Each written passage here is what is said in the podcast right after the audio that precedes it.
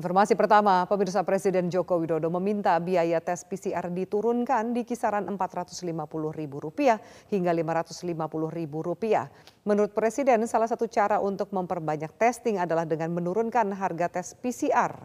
Presiden juga meminta hasil tes PCR dapat diketahui maksimal dalam 1 kali 24 jam. Salah satu cara untuk memperbanyak testing adalah dengan menurunkan harga tes PCR dan saya sudah berbicara dengan Menteri Kesehatan mengenai hal ini. Saya minta agar biaya tes PCR ini berada di kisaran antara Rp450.000 sampai Rp550.000. Selain itu juga saya minta agar tes PCR bisa diketahui hasilnya dalam waktu maksimal satu kali 24 jam. Kita butuh kecepatan. Setelah selama ini menolak, musisi I Gede Aryastina alias Jerings akhirnya bersedia disuntik vaksin COVID-19. Jerings disuntik vaksin Sinovac tahap pertama di Mapolda Metro Jaya setelah sebelumnya berkonsultasi dengan virolog terkait penyakit hepatitis yang diidapnya. Musisi I Gede Aryastina atau akrab disapa Jerings mendatangi gedung Bitdokes Polda Metro Jaya ditemani sang istri Nora Alexandra pada minggu siang. Untuk kali pertama sejak program vaksinasi nasional dimulai, Jerings akhirnya bersedia disuntik vaksin COVID-19. Sebelum disuntik vaksin, Jerings terlebih dahulu menjalani pemeriksaan riwayat kesehatan. Usai mengisi formulir identitas diri, drummer Superman is Dead ini kemudian disuntik vaksin Sinovac dengan disaksikan langsung oleh istri dan kuasa hukumnya. Jerings mengaku bersedia divaksin setelah berkonsultasi dengan virolog terkait penyakit hepatitis yang diidapnya. Pria asal Bali ini meminta masyarakat agar tidak takut berlebihan terhadap vaksin dan menganjurkan masyarakat yang memiliki riwayat penyakit bawaan untuk terlebih dahulu berkonsultasi dengan dokter.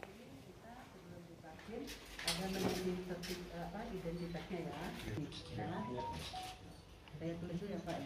ya namanya Pak IGD Adrian Cina.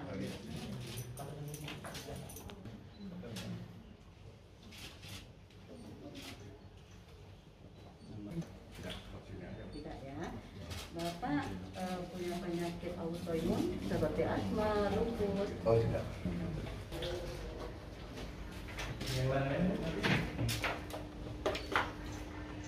Dosisnya 0,5 ya Pak? Baik. Kalau namanya pakai linggis saja. Enggak, soalnya maaf. Bapak tarik nafas, tarik nafas. Oke, selesai. Sakit? Enggak. Nah, dengan vaksin kedua 28 hari. Oh, gitu. Ya. Nanti jangan sama masnya ya. Ya, ya silakan. Ya. Atas beli. Ya, bang, sama-sama. Foto dulu. Beli, beli, beli. Beli foto beli, atas beli.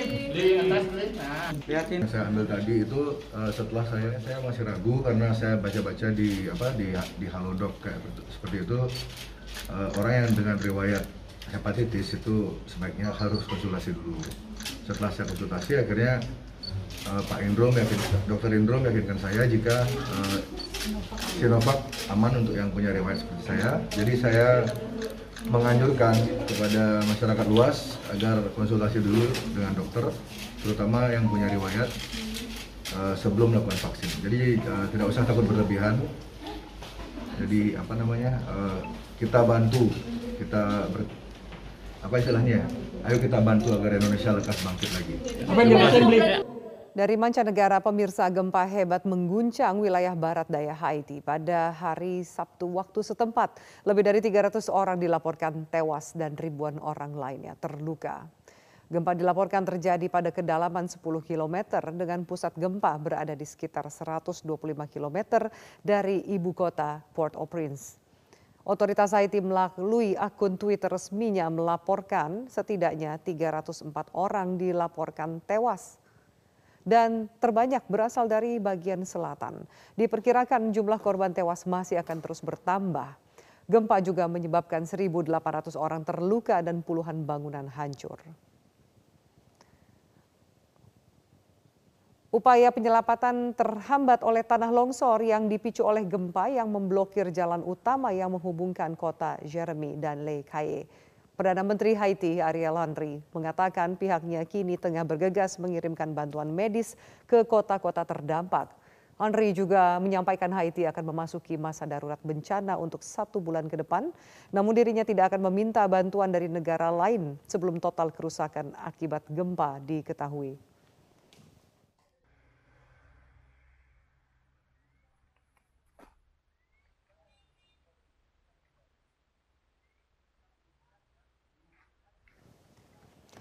Tiga korban jiwa dalam peristiwa kebakaran yang menghanguskan puluhan lapak pemulung di kawasan Kemang, Jakarta Selatan pada minggu pagi dievakuasi petugas ke Rumah Sakit Polri Keramat Jati, Jakarta Timur untuk diotopsi. Petugas Palang Merah Indonesia yang dibantu petugas pemadam kebakaran mengevakuasi tiga jasad korban kebakaran yang terjadi di Jalan Kemang Utara, Jakarta Selatan pada minggu pagi tadi. Ketiga korban yang diduga merupakan satu keluarga meninggal dunia setelah gagal menyelamatkan diri dari kobaran api yang menghanguskan tempat tinggal mereka. Jenazah ketiga korban masing-masing kakak berusia 30 tahun, Eni 40 tahun dan Febri berusia 3 tahun langsung dibawa ke Rumah Sakit Polri Kramat Jati untuk diotopsi. Pemirsa banjir yang melanda belasan titik di Kabupaten Nias Utara mulai surut, namun ratusan rumah warga masih terendam banjir. Sementara warga yang tinggal di pos pengungsian saat ini membutuhkan bantuan bahan makanan, pakaian, juga keperluan bayi.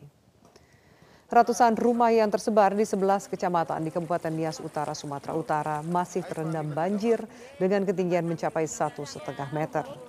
Banjir yang terjadi sejak Sabtu sore berangsur surut Warga berharap hujan tidak turun sehingga debit air tidak bertambah. Meski banjir berangsur surut, namun warga yang tinggal di pos pengungsian belum bisa kembali ke rumah mereka karena genangan air yang masih tinggi.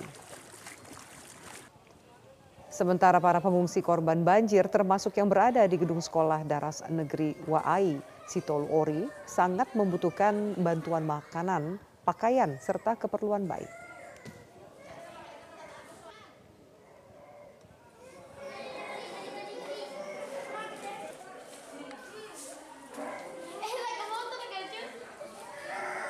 Semua pakaian kami udah hancur, rumah kami hancur. Dan nggak bisa kami makan, nggak bisa kami memasak. Rumah, nggak ada rumah lah. Cuma tinggal aja di sini. Kami butuhkan pakaian, eh, makanan, dan semua ala-ala dapur, ala-ala rumah tangga kami butuhkan. Karena udah hancur semua, nggak ada yang tinggal sama kami. Pakaian aja nggak ada. 11 orang dari lima keluarga yang terjebak banjir di Desa Hilimbosi, Kecamatan Sitolu Ori, Kabupaten Nias Utara, Sumatera Utara, berhasil dievakuasi tim SAR gabungan. Banjir yang melanda wilayah Kabupaten Nias Utara terus meluas hingga merendam pemukiman di empat kecamatan. Tim SAR gabungan menyisir sejumlah rumah di Desa Hilimbosi, Kecamatan Sitolu Ori, Kabupaten Nias Utara, Sumatera Utara yang terendam banjir. Tingginya genangan air membuat warga terpaksa menyelamatkan diri di atap rumah, sehingga tim SAR cukup kesulitan untuk mengevakuasi warga. Sebanyak 11 warga dari lima keluarga yang terjebak banjir di rumahnya berhasil dievakuasi ke tempat yang aman. Dari 11 warga yang terjebak banjir tersebut terdapat seorang nenek bersama cucunya yang bertahan selama 8 jam di atas papan yang berada di loteng rumah. Kelompok Taliban semakin mendekati ibu kota Afghanistan, Kabul, setelah menguasai kota di sisi utara Afghanistan, Mazar-i Sharif. Hal ini membuat warga Afghanistan semakin khawatir dan was-was. Dilaporkan, puluhan ribu warga sudah pergi meninggalkan rumahnya dan sebagian mengungsi ke wilayah Kabul. Ratusan warga juga bergegas pergi ke Bandara Internasional Kabul dengan harapan bisa segera keluar dari negara itu. Untuk mengantisipasi masuknya Taliban, petugas keamanan Afghanistan juga semakin memperketat pengamanan di Kabul. Sementara itu Amerika Serikat menambah seribu pasukan ke Afghanistan untuk melakukan proses evakuasi terhadap para staf kedutaan besar. Warga Afghanistan berbondong-bondong menuju ke Bandara Internasional Hamid Karzai di Kabul pada hari Sabtu. Mereka berusaha untuk meninggalkan Afghanistan. Serangan Taliban yang semakin mengisolasi ibu kota membuat tiket untuk penerbangan dari Afghanistan ke beberapa negara lain sulit dicari. Hal itu terjadi sejak militan menguasai beberapa ibu kota provinsi selama sepekan terakhir. Beberapa hari lalu, kota-kota terbesar kedua dan ketiga di Afghanistan, yaitu Herat di barat dan Kandahar di selatan, telah jatuh ke tangan Taliban. Dengan serangan melalui jantung selatan Afghanistan, berarti Taliban saat ini telah menguasai setengah dari 34 ibu kota provinsi dan menguasai lebih dari dua per tiga negara itu. Ledakan bom terjadi di kota pelabuhan Pakistan, Karachi pada hari Sabtu waktu setempat, menewaskan setidaknya sembilan orang dan melukai sembilan orang lainnya. Petugas kepolisian mengatakan serangan bom itu menargetkan satu buah truk. Di dalam truk itu diperkirakan ada 20 penumpang, termasuk di antaranya wanita dan anak-anak yang baru kembali dari menghadiri acara pernikahan. Dari sembilan korban tewas, lima di antaranya merupakan wanita dan empat lainnya anak-anak. Dari hasil penyelidikan sementara, Pelaku mengikuti truk lalu melemparkan granat tangan atau bahan peledak lainnya ke satu sisi truk tersebut. Hingga kini belum diketahui motif dari penyerangan dan belum ada pihak yang mengaku bertanggung jawab atas kejadian itu. Sebanyak 23 atlet dari tujuh cabang olahraga resmi dilepas oleh Menpora untuk mengikuti Paralimpiade Tokyo 2020. Para atlet pun diharapkan bisa terinspirasi semangat juang atlet Indonesia di ajang Olimpiade lalu. Menteri Pemuda dan Olahraga Republik Indonesia Zainuddin Amali resmi mengukuhkan sekaligus melepas kontingen Indonesia untuk mengikuti Paralimpiade Tokyo 2020 Sabtu pagi. Acara yang digelar secara virtual itu turut dihadiri Ketua Umum NPC Indonesia, Sandy Marbut, Chef The Mission Indonesia di Paralimpiade Tokyo, Andi Herba, dan para atlet dari tujuh cabur, serta jajaran pelatih dan ofisial. Dalam sambutannya, Mempora berpesan kepada kontingen Merah Putih untuk memanfaatkan kesempatan dengan memberi penampilan maksimal di Paralimpiade Tokyo. Dirinya berharap torehan prestasi yang diraih para atlet di Olimpiade Tokyo dengan satu medali emas, satu perak dan tiga perunggu dapat menjadi penyemangat dan inspirasi bagi para atlet para games di Paralimpiade Tokyo. Saya berharap semangat yang ditunjukkan oleh para atlet kita di Olimpiade yang baru saja berlalu bisa menginspirasi, bisa menjadi pemacu atau pemicu semangat juang dari para atlet, para games kita yang akan mengikuti Paralimpik Tokyo 2020 ini. Total 23 atlet Indonesia yang akan bertanding di arena Paralimpiade telah mempersiapkan diri masuk pelatnas di Solo, Jawa Tengah sejak Oktober 2020 lalu. Ajang Paralimpiade Tokyo sendiri akan berlangsung mulai 24 Agustus hingga 5 September mendatang. Perwakilan cabang olahraga para swimming, Gendi Pangabean. Arema FC menyambut baik kompetisi Liga 1 yang akan segera bergulir pada 27 Agustus mendatang. Untuk mengembalikan kebugaran tubuh pemain, tim Singoedan akan menjalani pemusatan latihan di Yogyakarta. Sebab mengalami penundaan beberapa kali, PT Liga Indonesia Baru akhirnya mendapatkan kepastian untuk menggelar kompetisi Liga 1 usai pihak kepolisian mengeluarkan izin keramaian. Rencananya kompetisi tertinggi di tanah air tersebut akan bergulir pada 27 Agustus mendatang. Lampu hijau dari kepolisian tentu disambut baik oleh klub kontestan, salah satunya adalah Arema FC. Manajemen Singoedan langsung bersiap menatap Liga 1 dengan menjalani pemusatan latihan di Yogyakarta. Tentu ini menambah berlipat ganda semangat kita untuk terus mempersiapkan kompetisi tanggal 27 yang akan digelar uh, yang akan datang. Karena itu Arema juga semakin padat untuk mempersiapkan baik mempersiapkan tim secara skill, mental, Rencananya Arema FC akan berlatih di Yogyakarta hingga 22 Agustus mendatang. Pemusatan latihan sendiri diikuti 28 pemain dari 29 pemain yang ada dalam skuad. Satu pemain yakni Aji Saka harus absen latihan karena tengah menjalani proses pemulihan cedera otot lutut.